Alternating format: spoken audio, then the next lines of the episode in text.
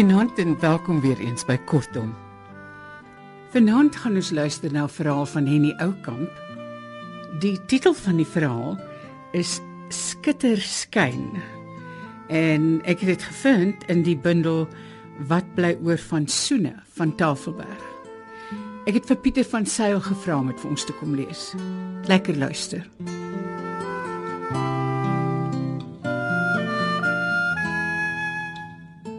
Ek en Maurice het afgespreek net na middagete op die stoep van die Central Hotel. En as die bus al na die kerksaal is, sal ons dadelik soontoe hol en ons dienste aanbied as boodskappers, plekaanwysers of hoe die toneelmense ons ook al wil gebruik. En as die bus nog nie daar is nie, sal ons by die Central wag op die rooi stoep agter die varings op die harde bank. En Mr. Kai sal nie omgee nie, want pa is een van sy kliënte met so soetes in die spore trap nie en dadelik opstaan as groot mense wil kom sit. Maurice was my enigste bondgenoot in toneelsake. Hy het 'n swak bors en kon nie aan sport deelneem nie. Vir hom was dit geen opoffering om 'n hele middag lank handlanger te speel vir 'n reisende toneelgeselskap nie. Die beloning was nie te versmaai nie, gratis toegang tot die konsert.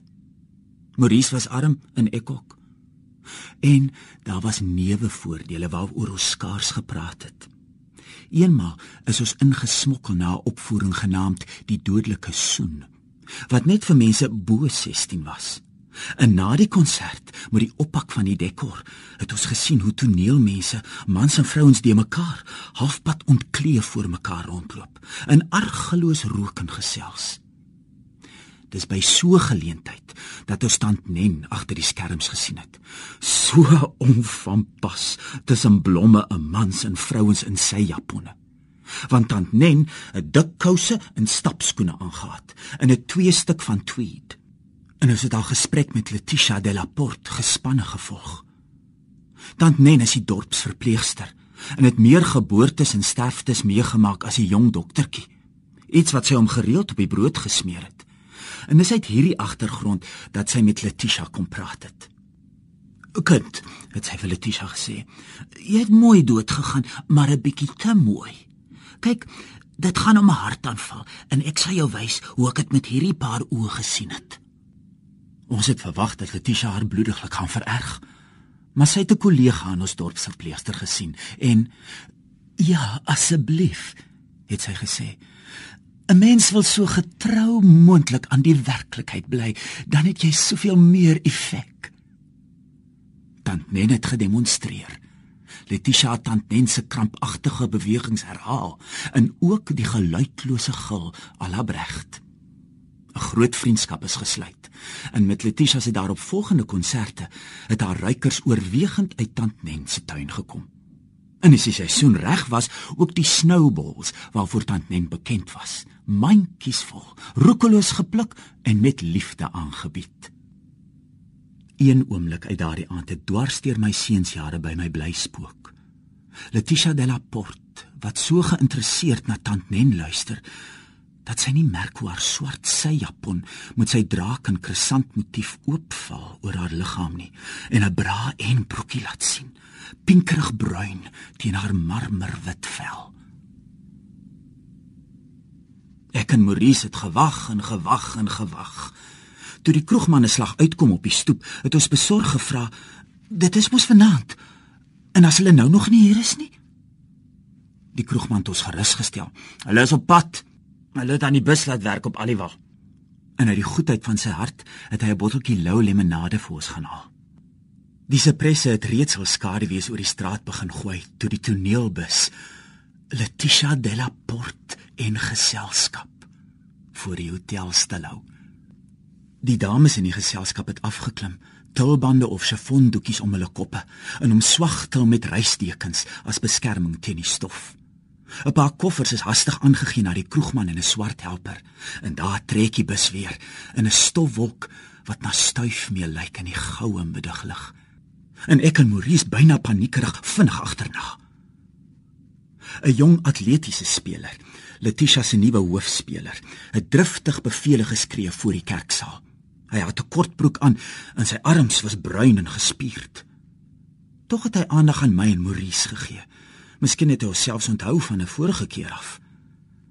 Hy het hom gedraai na 'n ouer man wat op die leiklip stoep voor die kerksaal sit en rook het.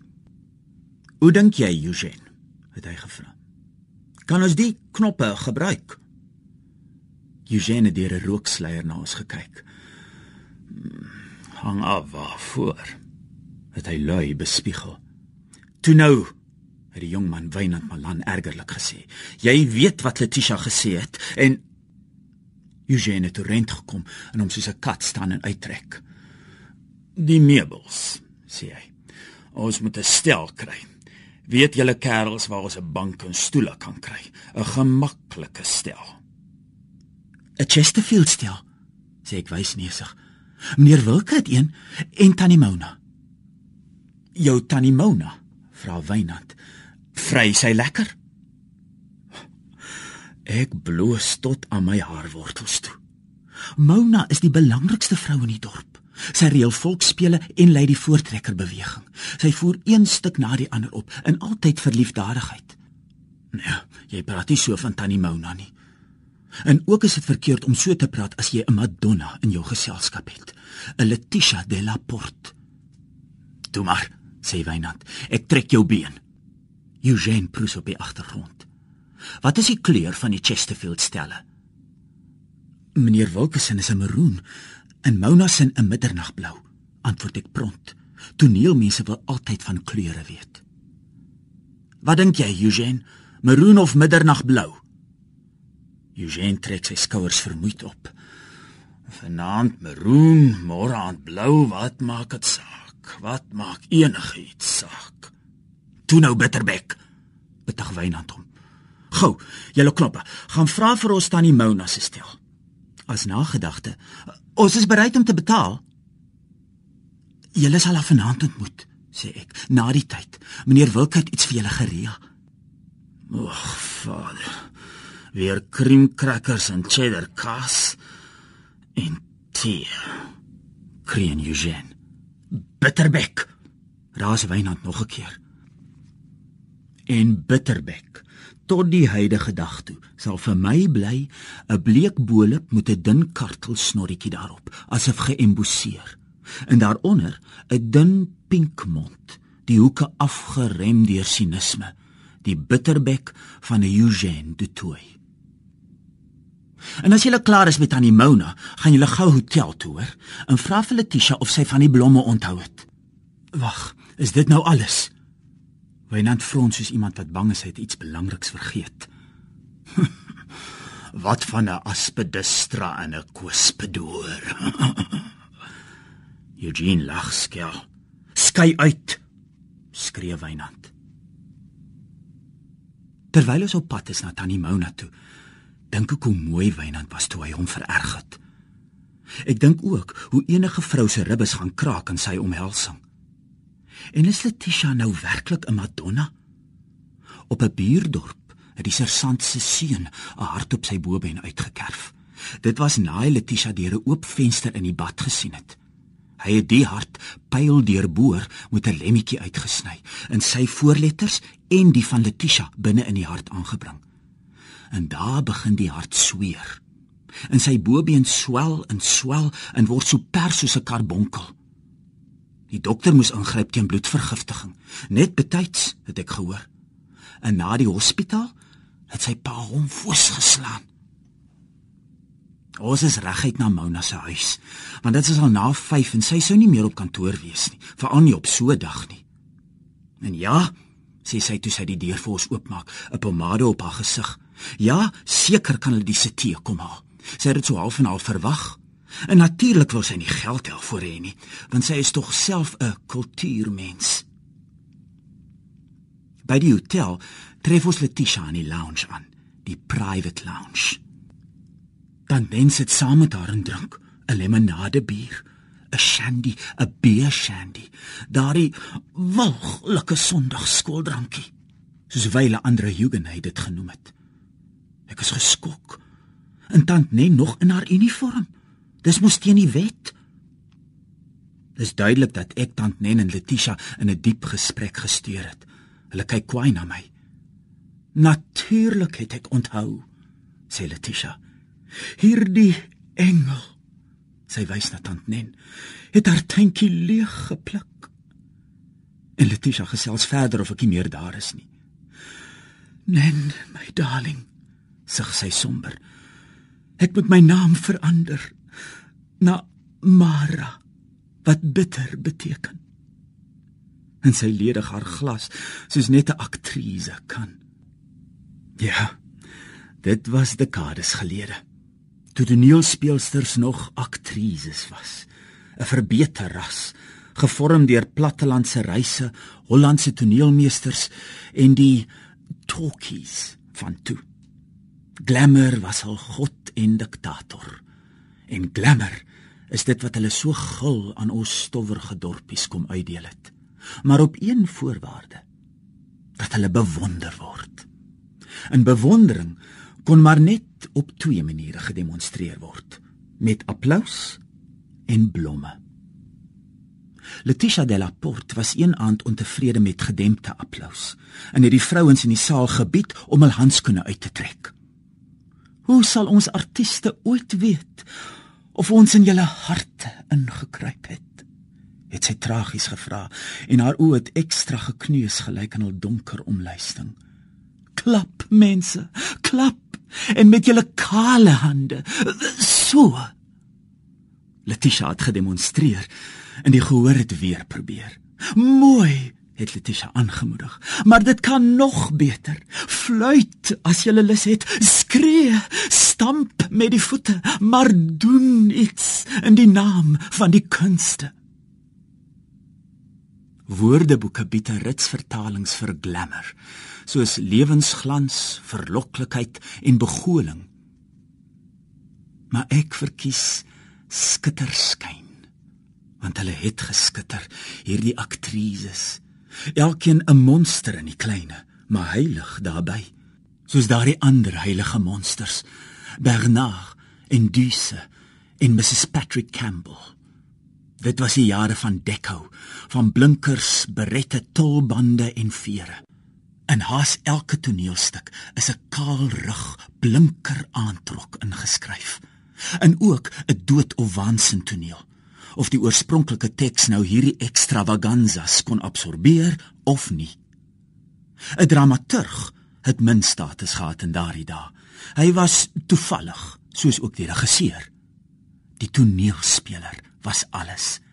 Hy, maar meer dikwels sy, was oppermagtig. 'n Talent was volkome ondergeskik aan temperament. In haar ouderdom het Letitia haar onderhoud toegestaan aan 'n toneeldosent. Acting, my darling, het sy gedeklameer, het niks met jou kop te maak nie. Dit begin en eindig hier. En sy het haar ou beringde hande soos 'n delta oor haar bekken laat sprei. Letitia de la Porte het as Letty Delport begin maar stiltjies of te groot of te vriend het haar spoedig herdoop. Sy het van Winburg gekom en het die liefling van die Vrystaat geword, en toe van die ou kolonie en later van die ganse Unie. Almal het geweet dat sy las het van haar senuwees en dat 'n snapsie Franse brandewyn voor toneelstukke en tussenbedrywe gebiedend was. Almal het van haar amoreuse indiskresies geweet en almal het gejuig toe sy op die verhoog getroud is met die smeulende Pierre van Aswegen. En almal het getreur toe Pierre haar in die middel van 'n toer in die steek gelaat het en sy moedig vrou alleen voortgegaan het met administrasie as deel van haar nuwe las. Terugskouend verbaas ek my oor die toegeeflikheid van die plattelandse publiek teenoor die Letitias van die verhoog. Die gevoel was dalk hulle is kunstenaars, hulle moet anders wees. Of in die woorde van meneer Wilke, hulle het kultuur gebring aan mense wat dit nodiger as brood gehad het. En hulle het ons laat glo aan Afrikaans. Maar spel hoe dit nou weer geëet deurleef. Verhewe.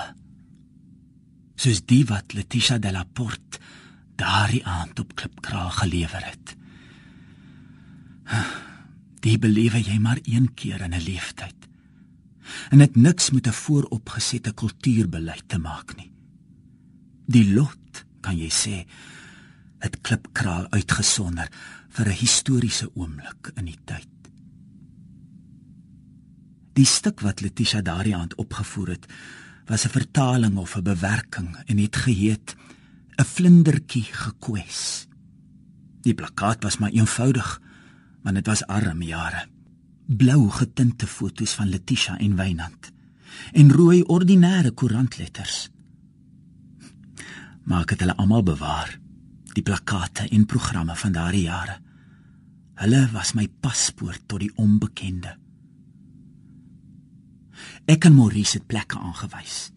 En dis hoe stand Nen ontstel oor sê het teenoor sis van Biljon wat die besprekings waargeneem het. Julle sal hom moet uitgooi, Mrs Biljon. Hy gaan Letitia breek. Kry 'n konstabel asseblief en hou jou sterk seuns byderhand. Ek en Maurice het met groot oë na mekaar gekyk. Wie? Wat? En voortgegaan met plekke aanwys. Ja, oom Servas, twee plekke ooplaat en dan kan oom gaan sit. Dankie oom Servas. Daar was 'n geweldige drukte voor en in die saal. Langs die saal is 'n tent opgerig waar die susters van die gemeente tydens pouse verversing sou bedien ter stywing van die een of ander fonds. Jy kon die kragopwekker skaars hoor vanweë al die stemme. Onthou het 'n bietjie te hard na my sin gesê. Ja, Letitia se jare stap ook aan, né? Dalk die uh... Maar die res het ek nie gehoor nie en ek was dankbaar hieroor. Uiteindelik het almal al sit gekry. Die saal stampvol met ekstra rye stoele ingedra. Die saalligte is afgeskakel en die gordyne het rukkerig oopgegaan op 'n voorhuistoneel. Alles het betowerend nuut gelyk in hul nuwe opset. Die groot blompotte wat aan die saal behoort, gevul met snowballs uit Tant Nen se tuin.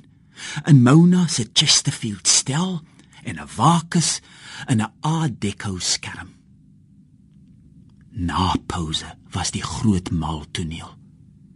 Die gehoor het hierna uitgesien soos na die bloedbad van 'n bokswedstryd. Het iemand tant Nendak of tant Sis Letitia gaan waarsku tydens pouse. Moes gewees het want Letitia het soos in 'n beswyming tot by die voetligte geloop.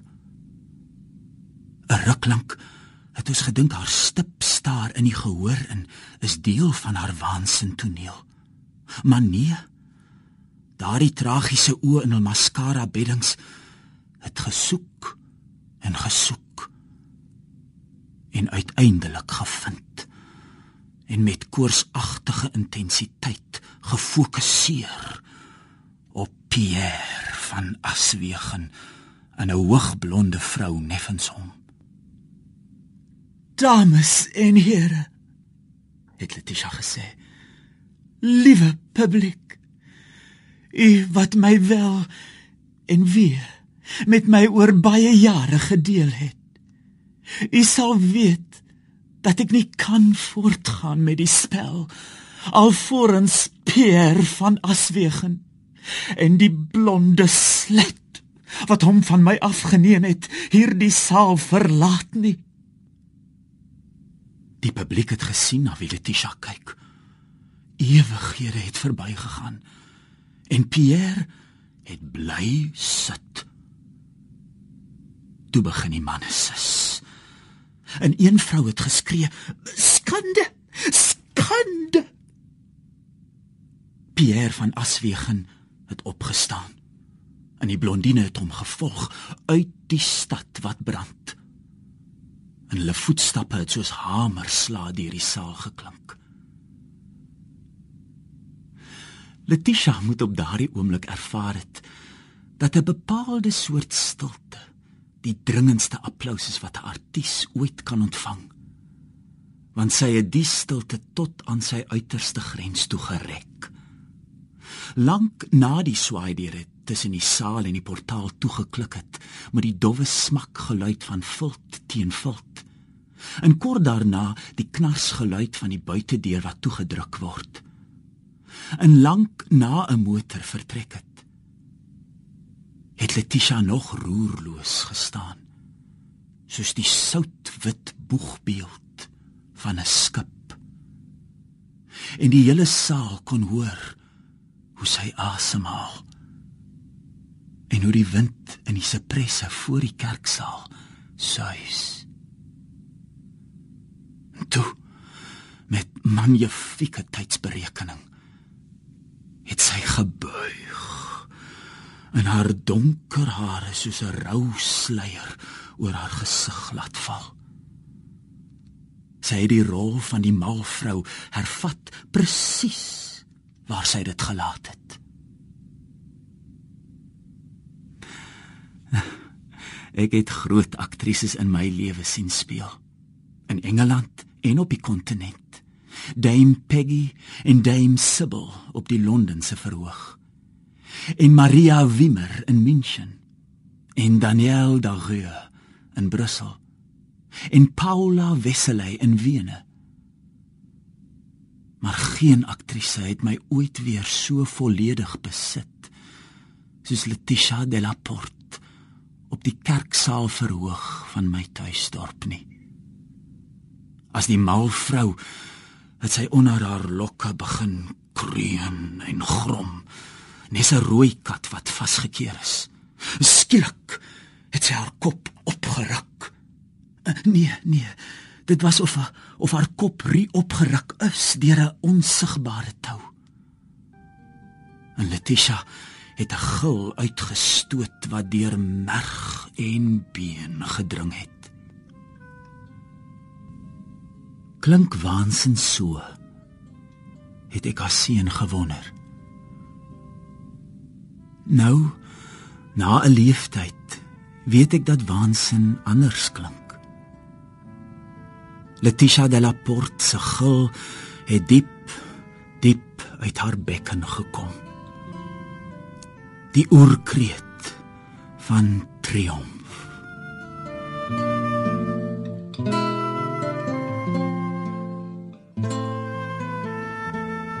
Pieter van Sail het vir ons Henny Oukamp se verhaal Skitterskyn gelees. Die verhaal kan 'n mens kry in Wat bly oor van Soene wat by Tafelberg verskyn het. Van my, Margot Luit, alles van die aller aller allerbeste vir die jaar wat voorlê. Mag dit met ons almal goed gaan. Totsiens.